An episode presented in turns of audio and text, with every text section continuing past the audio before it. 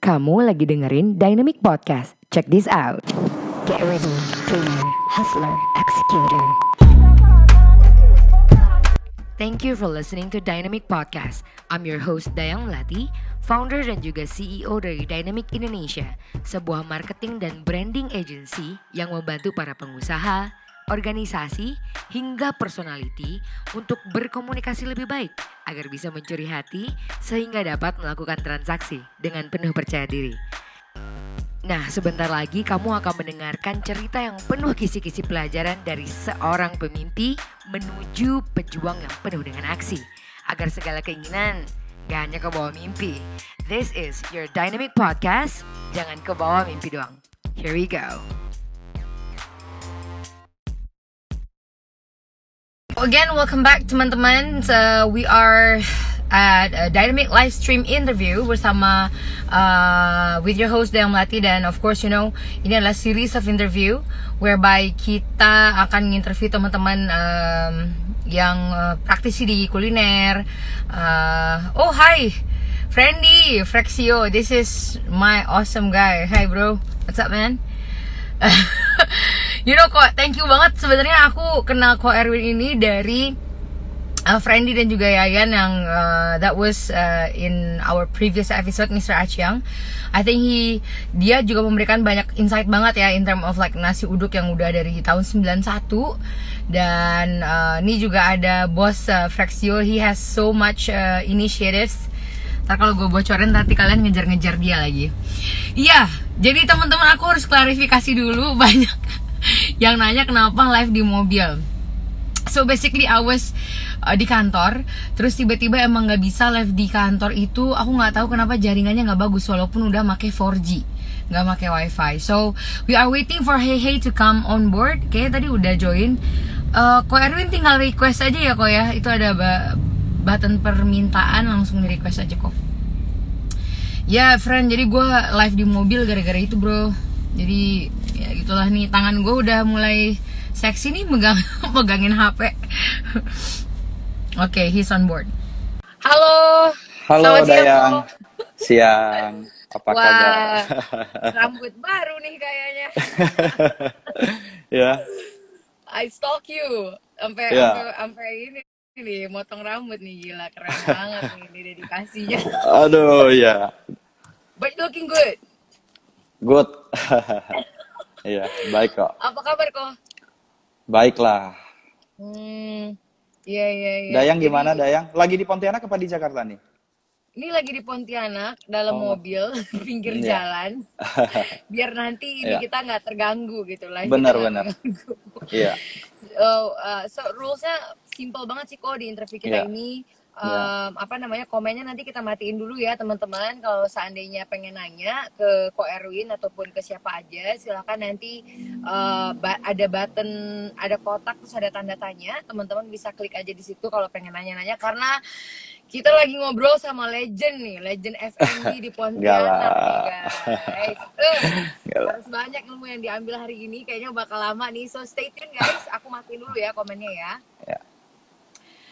Oke, okay, uh, kita mulai aja kali ya, kok ya.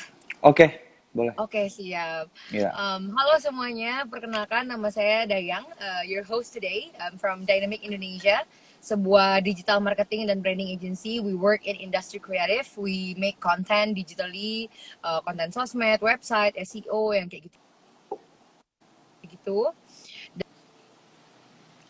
Dan uh, saat ini kita sedang mengadakan uh, live streaming uh, on Instagram uh, si influencer yang bergerak di bidang uh, apa namanya bisa memberikan kontribusi kepada industri F&B atau kuliner ini sehingga mereka bisa prepare sama COVID ini gimana mereka survive nanti gimana sebentar lagi Ramadan gitu kan kok ya. Jadi we do this yeah. interview that we akan nanti kumpulkan semua insightnya menjadi sebuah ebook dan nanti ebooknya itu akan kita sebarkan ke UMKM yang ada. Seperti itu hmm. kok. Ya. Yeah. So uh, itu perkenalan dari Dayan kok silakan kok mungkin nih Dynamic Nation atau followernya Hehe pengen tahu nih who's the man behind so many things on in Pontianak. Oke, okay, nama saya Erwin ya saya uh, ownernya Hehe dan Kapfi. Mm -hmm. uh, saya dulu kuliahnya di Pontianak ya gitu dan Oh, wow. Ya kuliah di Pontianak Politeknik Tonggak Ekuator dan eh, asal mula saya mencoba di FNB ini ya ngerasa memiliki kemampuan aja sih dan memiliki Oke. passion di sana dan ya Mhm, sampai jelas. saat ini juga masih belajar dan Mhm. selalu juga mencari inspirasi dari teman-teman sekitar yang selalu mensupport gitu sih. Wow, amazing. Ya. amazing. Kita dari kemarin sebenarnya pengen bawa pengen bawa ko ko Erwin buat kita interview di podcast kita ya ko ya, but Iya. the time was like always lapping gitu kan. Akhirnya berjodohnya kali ini pas udah covid dan harus digital kayak gini lagi. Iya gitu. benar. Ya. Oke, so before we start mungkin Koko tadi udah nge-tap sedikit ya uh, tentang bagai apa sih uh, who are you gitu kan. Iya. So can we uh, bisa ceritain ke kita nggak how do you start dan uh, dan how dari coffee ataukah ada sebelumnya what's your background gitu? Oke, saya sedikit cerita. Hmm, Saya sebelumnya ya menjalankan bisnis keluarga sih, fa- family business ya, Oke. gitu dan dan kebetulan yang seperti tadi saya bilang, saya ngerasa saya pribadi memiliki kemampuan untuk di bidang F&B gitu dan asal muasal awal ya mungkin setelah setelah saya kuliah gitu, saya mencoba membuka coffee shop ya membuka coffee shop yaitu Capfi gitu yang Oke. sudah berumur tiga tahun lebih sampai Wow. saat ini gitu Oh, itu udah tiga tahun ternyata ya kok ya? Iya tiga tahun Oh, enam bulan. Tiga tahun enam bulan. Sampai apal ya kayak hari jadian. Iya, tiga tahun enam bulan dan eh, baru-baru ini saya juga mencoba bisnis baru lagi bergerak di bidang boba ya boba ya namanya Hey Hey. Nah Hey dan Hey, itu yes, iya iya dan itu baru berjalan baru beberapa bulan sih. Baru berjalan beberapa bulan dan dikasih cobaan. Abis launching gitu ya. Iya, habis launching dan ternyata sekarang eh, Iya. ya wabah COVID seperti ini ya. Nah, tapi di di balik semua ini ya kita tidak sampai di sini aja gitu.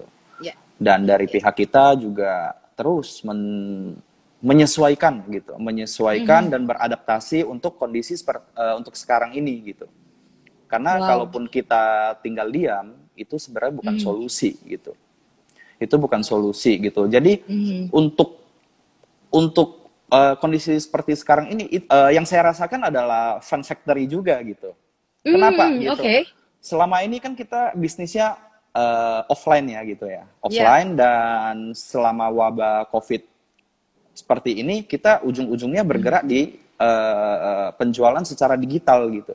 Betul. Dan betul. itu sangat ber- berpengaruh juga, berpengaruh eh, untuk hehe juga gitu. Mhm. Dan selain itu kita juga banyak me- mengeluarkan promo-promo ya gitu ya. Kita satu sisi bukan bisnis aja, tapi kita juga memikirkan masyarakat di sekitar Pontianak. Dari kemarin kita juga memikirkan eh, bisnis eh, untuk pekerja-pekerja informal seperti Gojek, Grab. Kita kemarin sempat memberikan promo juga untuk Gojek dan Grab setiap setiap konsumen yang order by Grab dan Gojek mereka mendapatkan satu kilo beras gitu.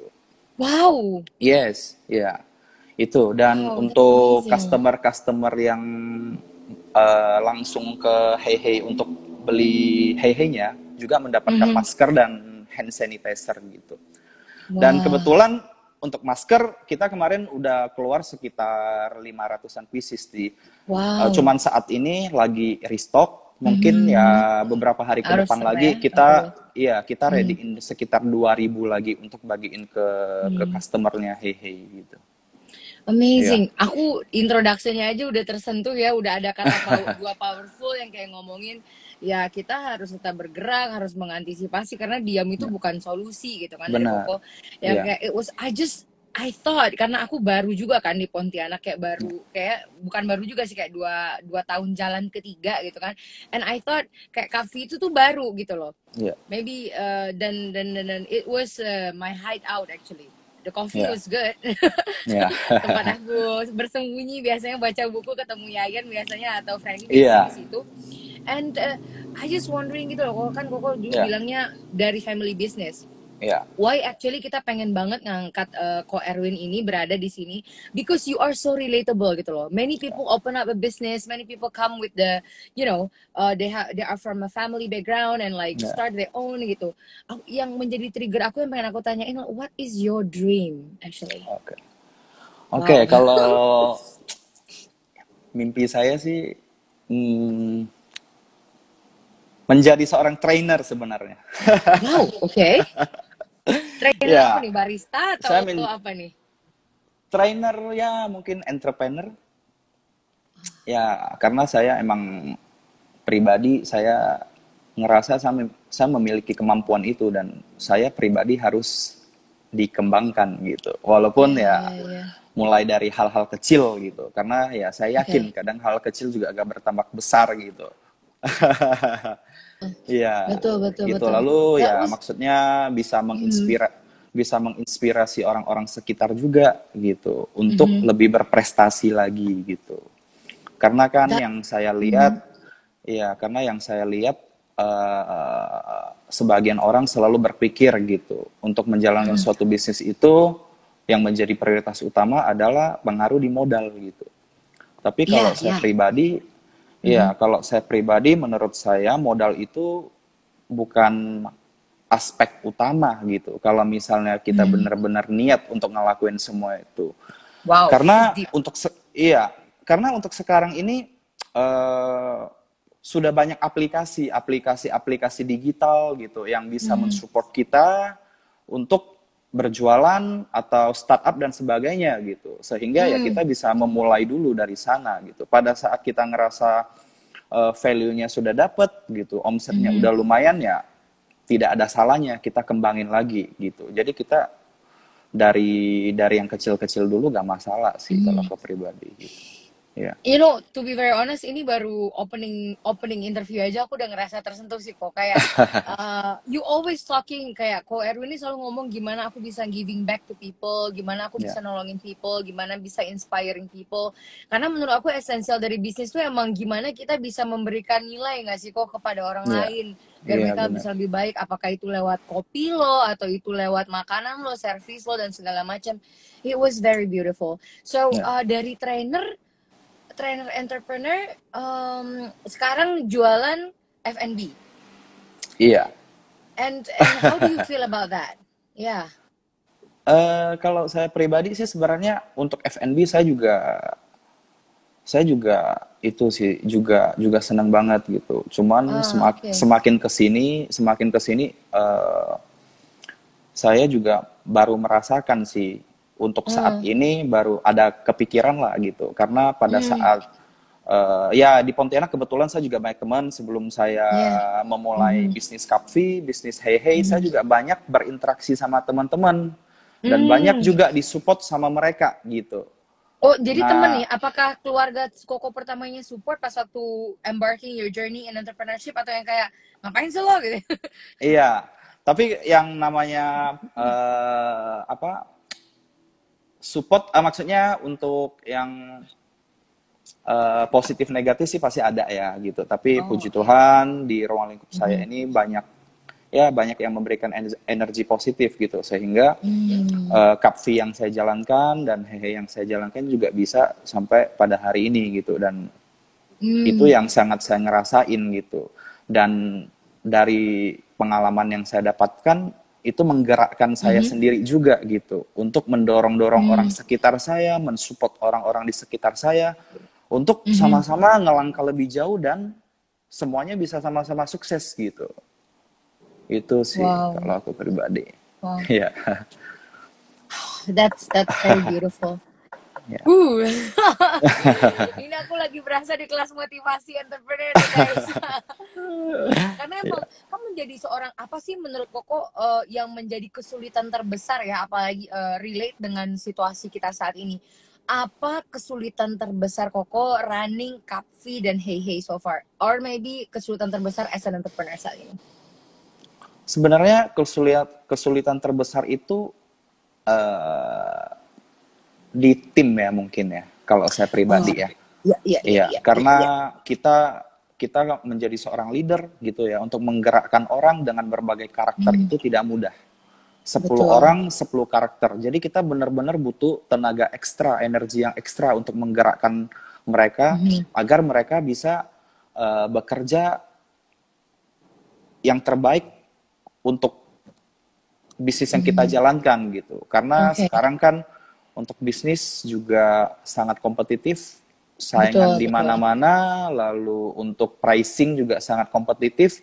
Ya, Betul. sehingga kalau saya pribadi kita harus melakukan something yang berbeda gitu. Bisa jadi pelayanan yang Mhm. lebih rahma, ra- ramah gitu kan. Lalu untuk eh, promo-promo yang maksudnya bisa menarik orang untuk terus Mhm. Menjadi customer fee atau hey hey ya gitu ya. Itu Iya, yang itu yang saya lakuin sih gitu. Tapi kalau Mhm. untuk saya pribadi yang paling berat sebenarnya ya untuk tim aja sih, untuk karyawan aja. Tapi Mhm. ya itu di mana-mana sama ya. Mungkin Iya, sulit di betul. awal, iya Mhm. sulit di awal aja. Tapi kalau sudah running, Mhm. sudah berjalan, ya kita ngarahinnya benar, ya Mhm. aku rasa semua akan berjalan dengan baik Iya. sih.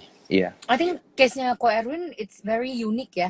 Maksudnya ya, people when they start their own, their own kuliner kuliner brand itu kan which is Cafe. I think it's a very beautiful brand, you know. ya, I love that place.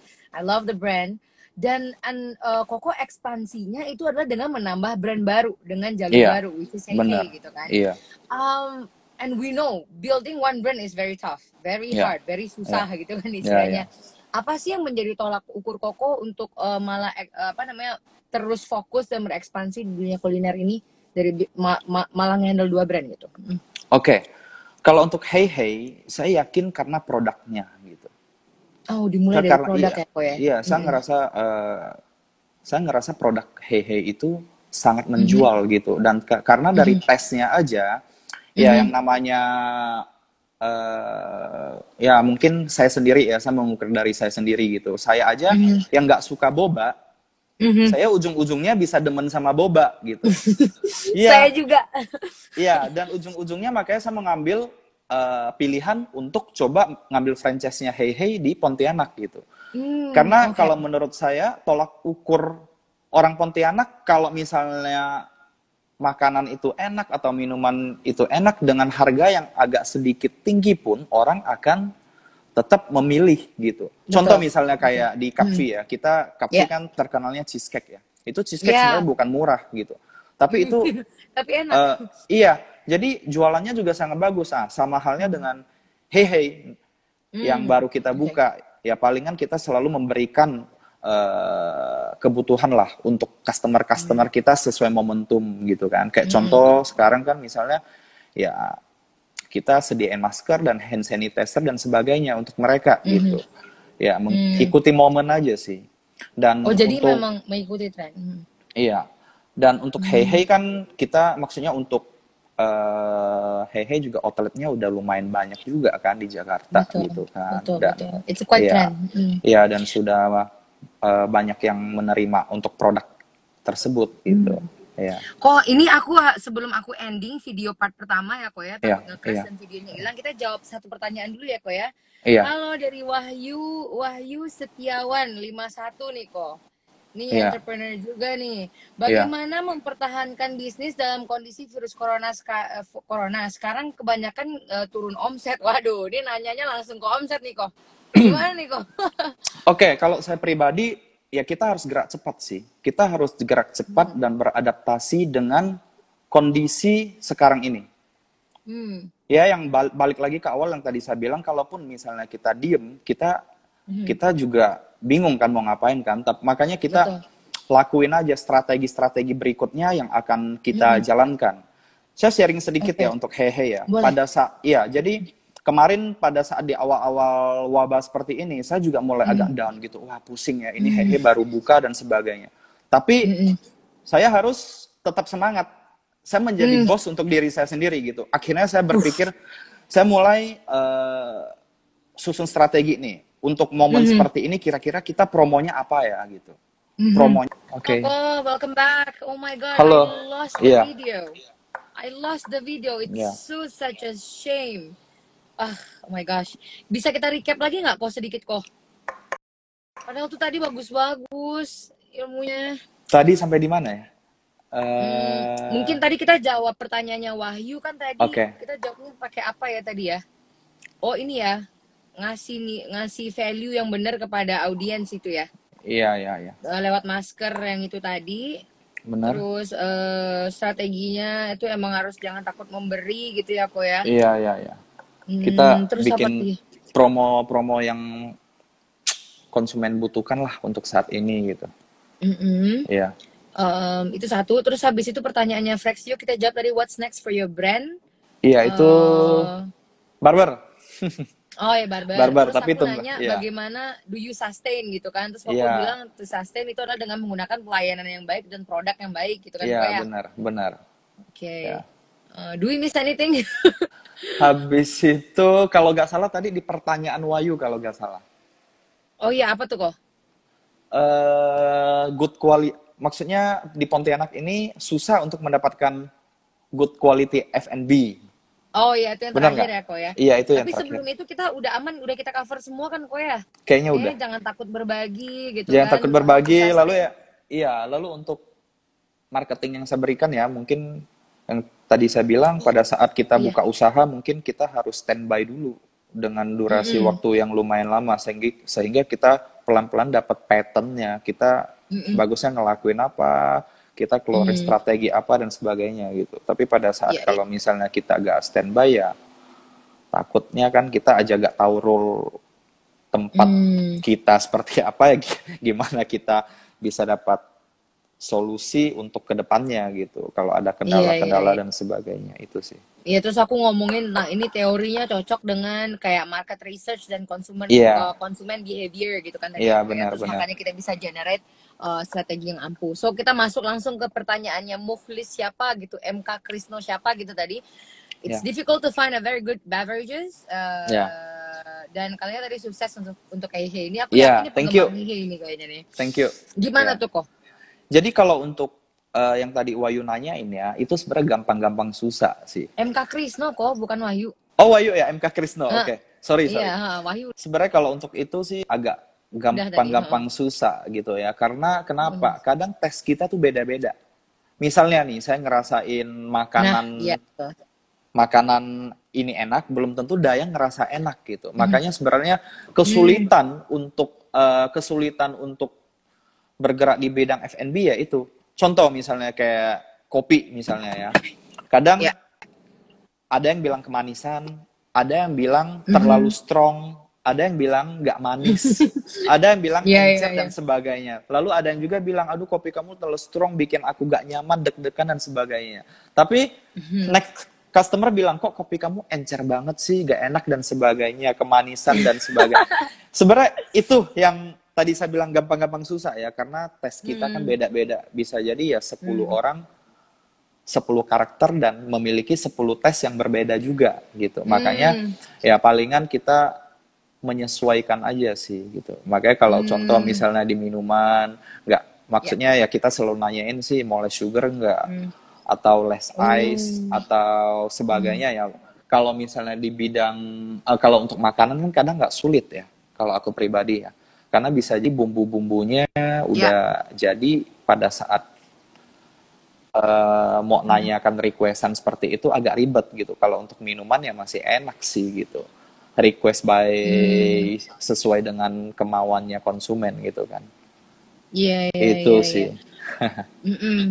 Ini ada pertanyaan lagi nih kok. Iya. Wah rame ya ini ya. Devoted sekali nih followernya. Gimana awalnya kumpulin modal untuk usaha kok? Pernah takut gagal nggak sih? Waduh, ini sangat personal sekali nih Oke, ini seru nih. Oke, mak- eh, makanya ini sebenarnya tadi ada balik ke poin yang tadi kita bahas ya, yang seperti saya bilang, makanya eh, sebenarnya kalau By untuk Flynn. ngelakuin bisnis itu yang menjadi kalau saya pribadi itu modal sebenarnya bukan halo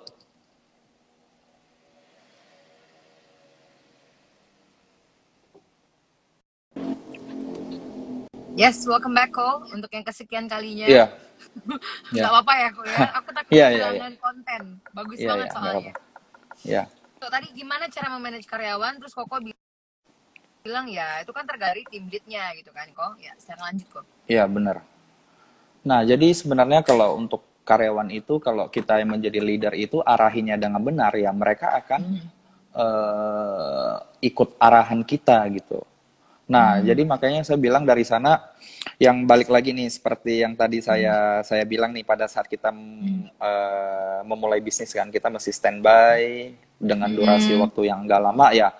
eh, ada sangkut pautnya dengan ini juga. Dari sana kita bisa bisa mensortir lah karyawan-karyawan yang mau nggak diajarin, yang mau nggak eh, diarahin biar lebih baik dari sebelumnya gitu kan. Nah, jadi da, ya jadi kita cari karyawan juga jangan asal-asal nyari sih. Kalau misalnya kita asal nyari ya nanti akan susah untuk kitanya gitu. Jadi ya benar-benar karyawan yang mau diajarin gitu, yang pengen pengen sama-sama bekerja tim dan bisa bisa jauh lebih baik lah gitu. Lalu untuk leader juga sangat berpengaruh sih. Kita yang menjadi seorang leader itu kita harus eh, kadang kalau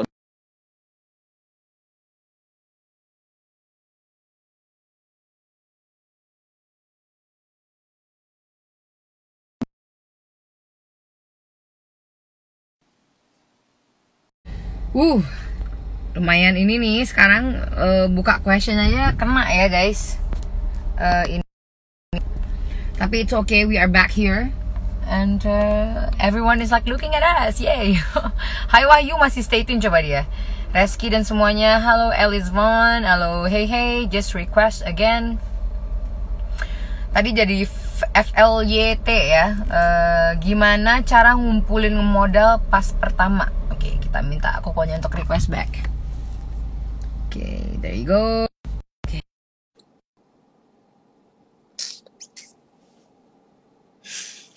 Kita dilihatin tukang parkir guys. Jadi aku kalau halo kok. halo Aku halo. tadi crash lagi, jadi Iya. videonya hilang. Jadi aku langsung ini, langsung Iya. aku matiin. Iya ya. Oke. So pertanyaannya tadi itu kok, Oke. em, gimana kok pertama kali ngumpulin modal gitu kan ya pertama ya kata dia. Eh, kalau saya ngumpulin modal itu sebenarnya eh tadi pertanyaannya itu untuk memulai bisnis atau gimana cara ngumpulin modal ya? Ya kayaknya gimana cara ngumpulin modal yang pertama deh kok kayaknya tuh oh, Oke. untuk memulai bisnis. Mbak FYLYT bisa di kalau kita bingung bisa di send lagi ya questionnya ya. Atau teman-teman yang lain yang pengen ngasih pertanyaan. Nah, jadi Ya, kalau Ko. Saya membahas tadi yang saya ingat adalah apakah tidak pernah ngerasa takut gagal? Kalau saya pribadi Nah, pasti iya. pernah gitu. Saya pernah sih gitu. Tapi daripada kita gak ngelangkah ngelangkah maju ke depan, ya kita cuma bisa stuck di sana aja sih gitu. Karena Hmm. kadang itu kegagalan itu cuma asumsi di pikiran kita gitu. Tapi pada saat kalau kita niatin benar-benar dan kita ngelakuin dengan usaha kita yang benar-benar, aku rasa itu semua pelan-pelan akan ada dampaknya gitu. Daripada kita takut terus mau sampai kapan kan gitu kan. Nah, yang penting kita ngelakuin apa yang bisa dilakuin dan benar-benar eh dan benar-benar sesuai dengan kata hati kita gitu kan. Hmm. Nah, kalau Oke. misalnya untuk modal, modal, modal awalnya juga sebenarnya tadi balik lagi ke poin yang awal-awal kita bahas ya gitu ya. Ya, ya itu pertanyaannya kok.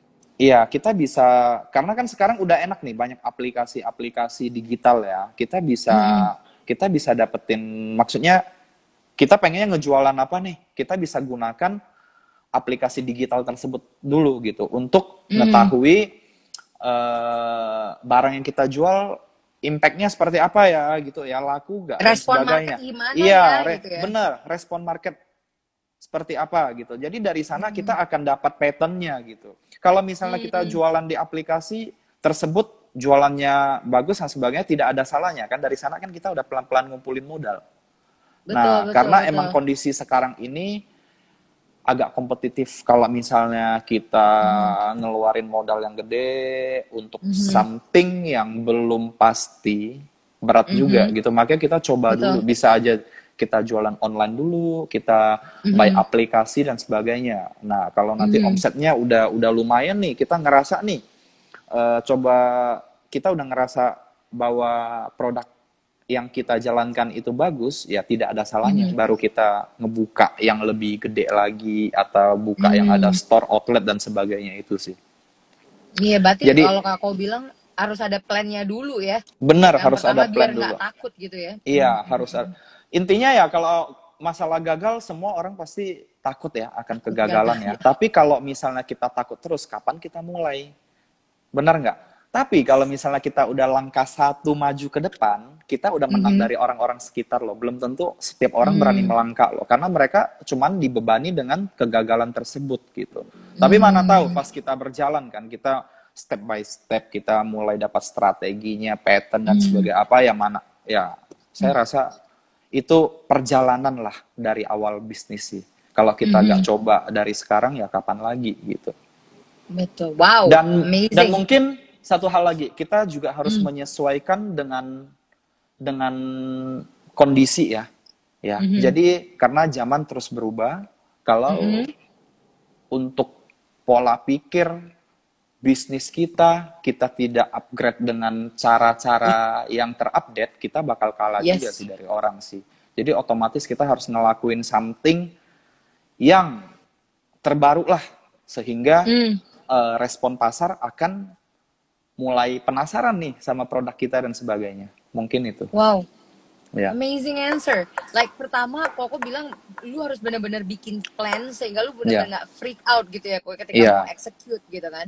Terus Iya. yang kedua itu adalah pola pikir bisnis, guys. Itu tuh Iya. gila sih menurut gue. Kalau it- emang semuanya kalau di sininya ada masalah susah ya, kok ya. Iya, Kalau mau benar. ngapain aja itu susah. Iya, iya, benar. Sip. Kalau yang tadi dia ngomong kok gimana kok? Cara eh, untuk eh, ngumpulin modal di situ ada yang perlu Koko highlight atau kayak gimana? Ya, makanya saya bilang kalau misalnya modal modal itu kan sebenarnya relatif ya.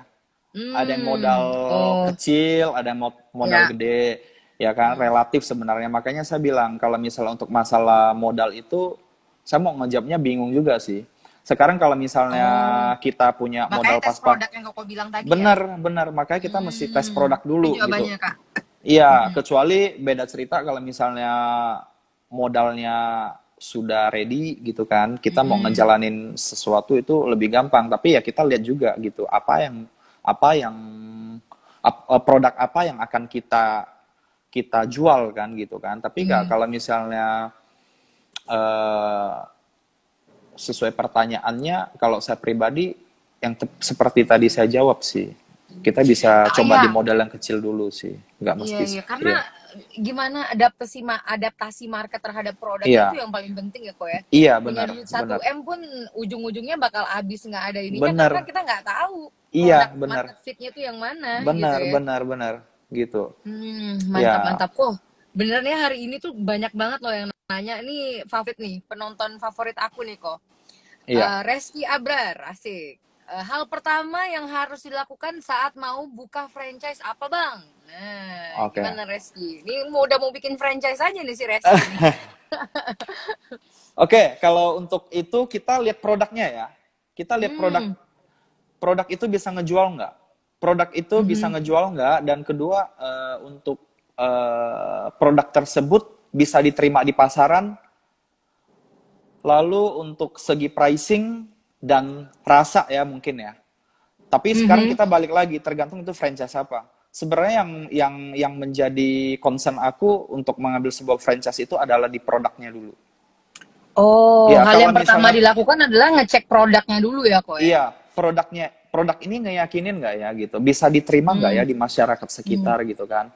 Lalu untuk dari segi pricing masuk nggak ya untuk Hmm, hmm, hmm.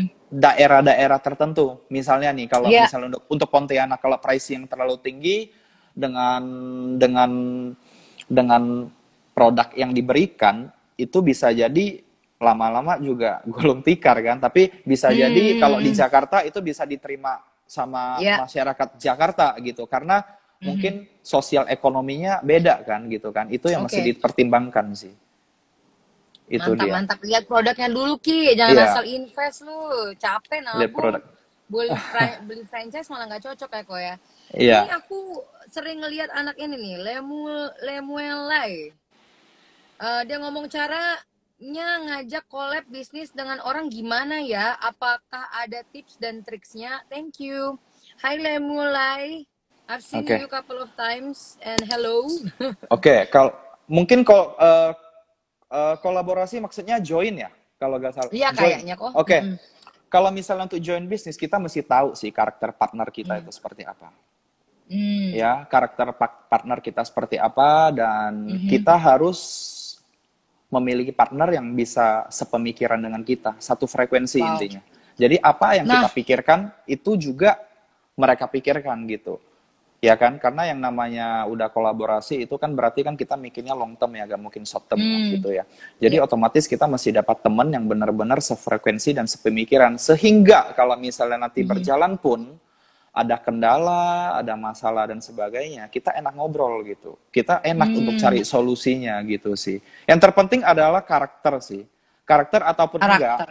Iya, Visi. karakter kalaupun enggak eh karena hal-hal seperti ini ya kadang ya kalau kita yang namanya partner kita orang yang gak Hmm. terlalu dekat kadang kalau Hmm. omset udah bagus apalagi berhubungan dengan eh, uang dan sebagainya kadang ya akan berubah suatu saat akan berubah makanya Hmm. benar-benar eh, harus benar-benar sih kalau misalnya cari teman untuk berkolaborasi gitu ataupun enggak Hmm. misalnya nih ada juga nih eh, ya palingan kita hitungannya kita pemegang saham aja Hmm, Ki- kita yaudah tanam saham aja. aja gitu iya ya ya. iya invest aja tapi yang kelola jangan jangan jangan itu jangan para para tukang invest nggak usah gitu jadi Hmm. benar-benar ada ada tim atau manajer yang nge-handle itu semua jadi ya kita tahu bersih aja per bulannya ya profitnya berapa kita taunya itu Hmm. aja sih kalau mis untuk menghindari hal-hal yang tidak diinginkan gitu tapi tidak ada Iya, iya. salahnya juga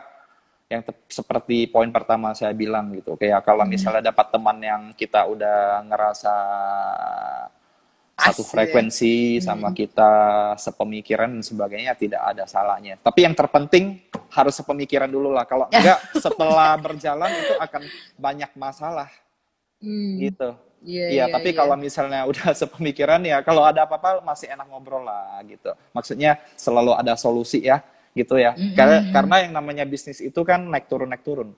Betul kok. Nah, dan pasti akan ada kendala, ada masalah gitu. Tapi kalau kita dapat partner yang saling ngerti ya, itu bukan jadi jadi hambatan sih.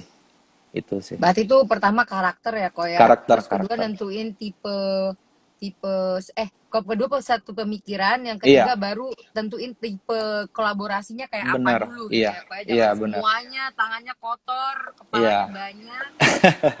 Benar-benar. Bayang deh. Iya. Oke kok, ini kayaknya Iya. MH Krisno nggak apa-apa kan kok? Kok nggak sibuk kan nih masih ada Enggak, enggak. nih kok.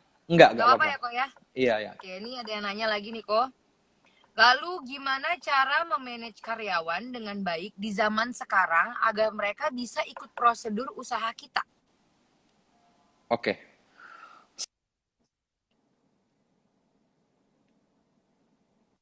Ya halo. Halo, jelas ya, nggak? Biar good. Iya, jel- Jelas. jelas nggak?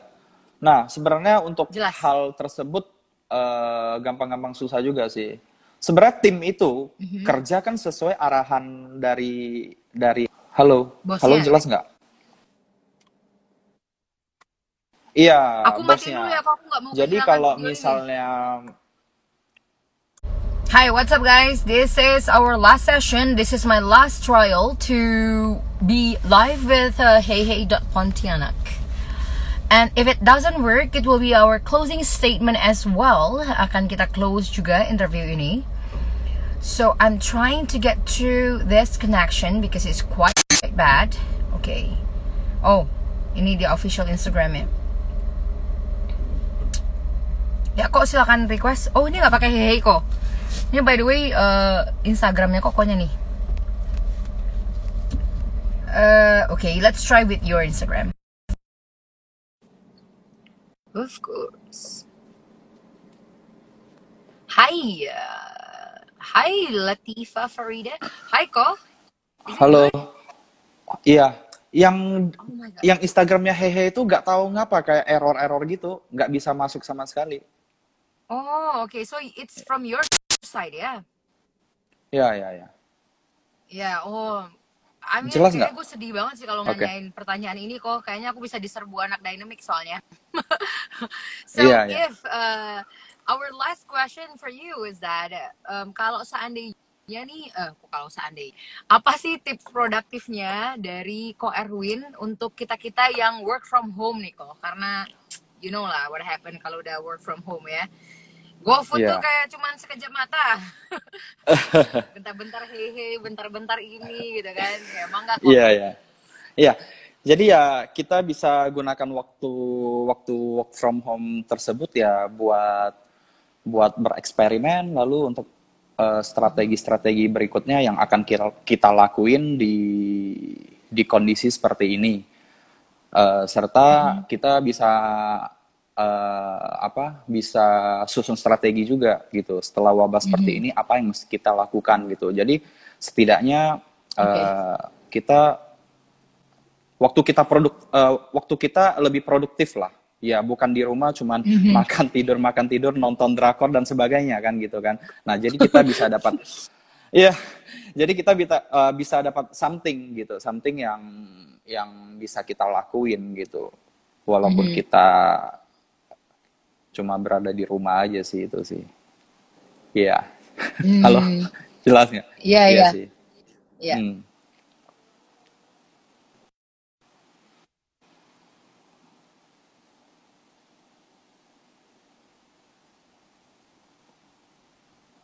Nggak ada suara. Nggak ada suara